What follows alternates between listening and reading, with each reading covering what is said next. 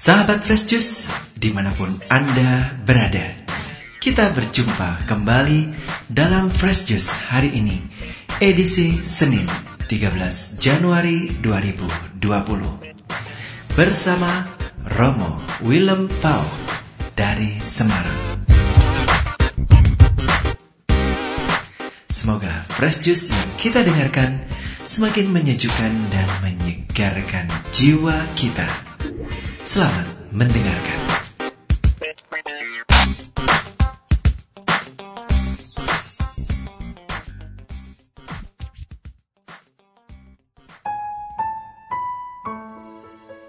Berkah dalam para sahabat Fresh Juice dari Paroki Kebon Dalam Semarang, saya Romo Willem menghaturkan jus rohani yang segar. Kali ini dengan tema regenerasi model Yesus. Inspirasi pokok berasal dari kutipan Injil yang dibacakan di gereja Katolik seluruh dunia hari ini, yakni dari Injil Markus bab 1 ayat 14 sampai 20. Demikian bunyinya. Sesudah Yohanes Pembaptis ditangkap, datanglah Yesus ke Galilea memberitakan Injil Allah. Yesus memberitakan, "Waktunya telah genap. Kerajaan Allah sudah dekat. Bertobatlah dan percayalah kepada Injil." Ketika Yesus sedang berjalan menyusur Danau Galilea, ia melihat Simon dan Andreas, saudara Simon. Mereka sedang menebarkan jala di danau sebab mereka penjala ikan. Yesus berkata kepada mereka, Mari ikutlah aku dan kalian akan kujadikan penjala manusia.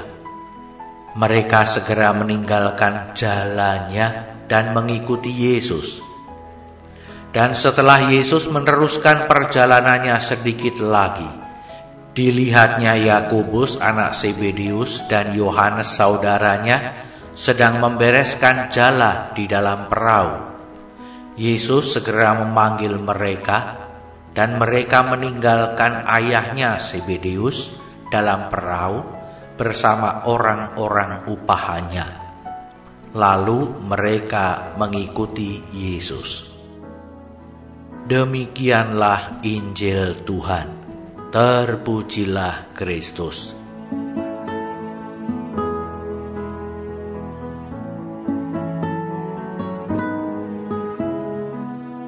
Para sahabat Fresh yang baik, curhat ah.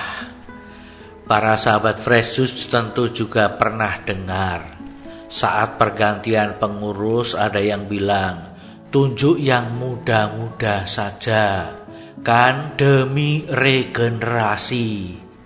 Kami yang tua-tua ini rela kok digantikan oleh yang muda-muda. Kata-kata itu para sahabat Fresh Juice membuat saya jadi jengkel. Padahal kalau saya jengkel, orang yang bikin jengkel itu pengen saya traktir sampai kekenyangan. Lagi mana coba? Sekian lamanya pegang jabatan. Seolah hanya dia sendiri yang mampu, tidak mau diganti. Mengerjakan segala sesuatu sendirian saja. Pokoknya ngetop sendiri deh. Kalau ditawari untuk mengajak orang lain, apalagi mengajak yang masih muda dan tidak berpengalaman, banyak alasannya. Oh. Wah, nanti malah jadi repot mengerjakan tugasnya. Tugasnya tidak selesai, tugasnya tidak sempurna. Apalagi ya, pokoknya ya selalu ada alasannya. Lalu tiba-tiba saja menuntut yang muda-muda yang tidak punya pengalaman karena tidak pernah diberi kesempatan untuk berlatih untuk belajar sukses atau gagal. Oh. Nyebelin gak sih? eh, tapi mungkin maksudnya baik. mau menjadi contoh dan teladan yang hebat lalu berharap yang muda-muda akan begitu saja meneladan mereka menjadi seperti mereka. Halo orang muda, mau dibegitukan? Saya percaya para sahabat Fresus yang sudah berumur pun saat masih muda juga males kalau dibegitukan. Iya enggak? Iya enggak? Hehehe. Curhat selesai. Para sahabat Juice, kutipan Injil yang kita dengarkan tadi memberi inspirasi bagaimana Yesus melakukan regenerasi. Tidak hanya memberi contoh atau teladan, tetapi juga mengikut sertakan orang-orang yang akan meneruskan mewartakan Injil.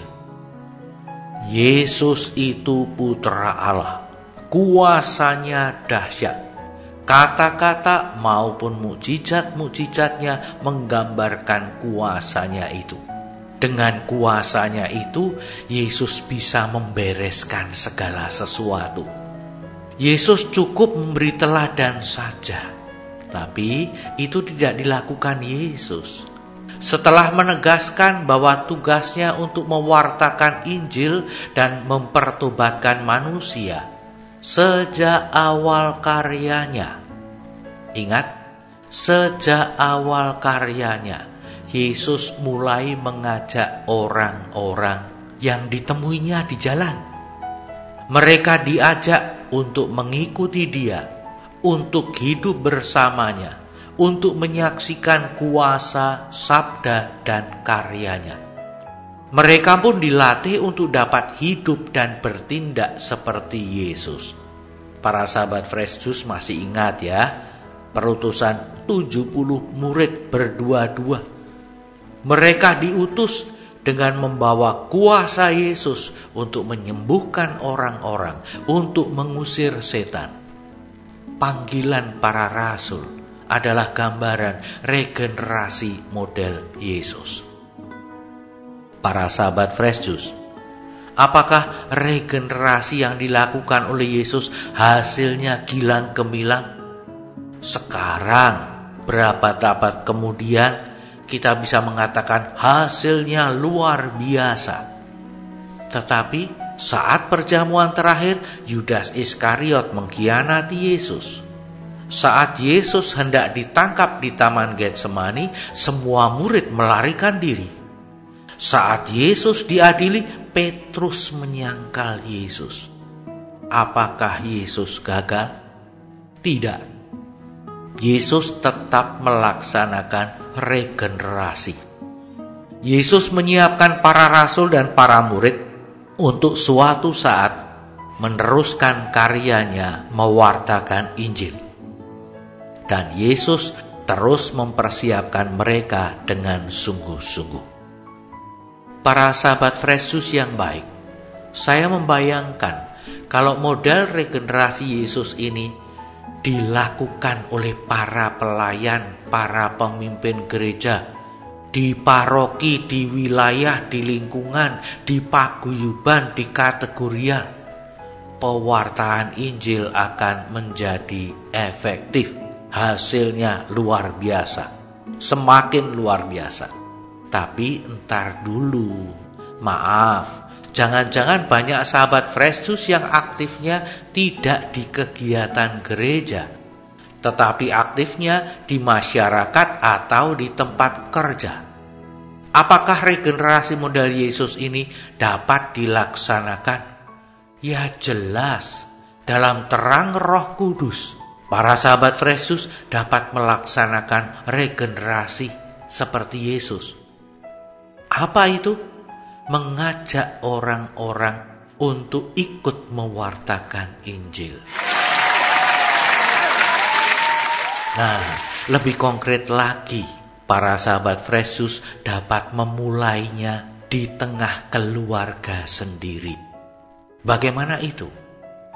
Bukankah para orang tua sesungguhnya wajib melaksanakan regenerasi model Yesus ini kepada anak-anaknya. Bukankah orang tua wajib memberi teladan dan mengajak anak-anak yang lelaki untuk belajar hidup agar kelak dapat menjadi suami dan bapak keluarga yang baik? Bukankah orang tua wajib memberi teladan dan mengajak anak-anak yang perempuan untuk belajar agar kelak dapat menjadi istri dan ibu yang baik? Para sahabat Fresh Juice ternyata Model regenerasi Yesus ini dapat dipraktekkan juga dalam keluarga. Tapi mungkin ada yang langsung mau protes, Romo, lalu bagaimana kita punya suster, punya imam, punya bruder, kalau semua orang tua mempersiapkan anak-anaknya hanya menjadi suami, ayah, menjadi istri, ibu yang baik. Nah, para sahabat Fresh Juice, saya belajar dari banyak orang tua, para imam, suster, dan bruder. Banyak yang sebetulnya juga tidak mempersiapkan anak-anaknya secara khusus untuk menjadi imam, suster, dan bruder. Tetapi tetap mempersiapkan mereka untuk menjadi suami, istri, bapak, ibu yang baik. Nah, nanti kalau jadi imam, bruder, atau suster, mereka bisa menjadi bapak rohani, ibu rohani yang baik. Puji Tuhan. Mari mohon berkat Tuhan. Tuhan sertamu dan sertamu juga. Semoga para sahabat Fresh Juice beserta keluarga senantiasa dilimpahi berkat Allah yang Maha Kuasa, Bapa dan Putra dan Roh Kudus. Amin. Berkah dalam. Sahabat Fresh Juice, kita baru saja mendengarkan Fresh Juice Senin 13 Januari 2020. Segenap tim Fresh Juice mengucapkan terima kasih kepada Romo Willem Pau untuk renungannya pada hari ini. Sampai berjumpa kembali dalam Fresh Juice edisi selanjutnya. Salam fresh juice.